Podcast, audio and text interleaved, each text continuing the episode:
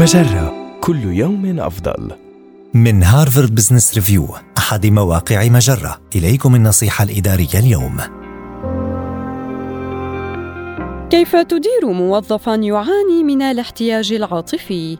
يحتاج بعض الموظفين إلى الحصول على توكيد بمدى جودة أدائهم أكثر مما يقدمه لهم مدراؤهم بالفعل. فإذا طلب منك مرؤوس مباشر أن تثني على عمله أو إذا لم يكن مقتنعا بجودة أدائه فمن الأفضل أن تعالج المشكلة مباشرة.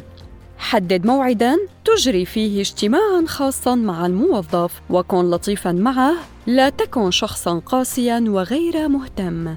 وأظهر له أنك تهتم برفاهته. واستخدم أمثلة ملموسة لتشرح أثر سلوكه فيك أو في عمله أو في الفريق.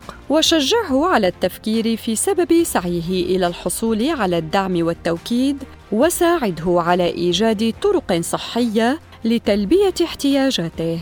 على سبيل المثال يمكنه اللجوء إلى أصدقائه خارج نطاق العمل أو إلى اختصاصي الصحة العقلية للتحدث عن مشاعره. ثم ضع حدودا للمستقبل وكن واضحا بشأن حدودك.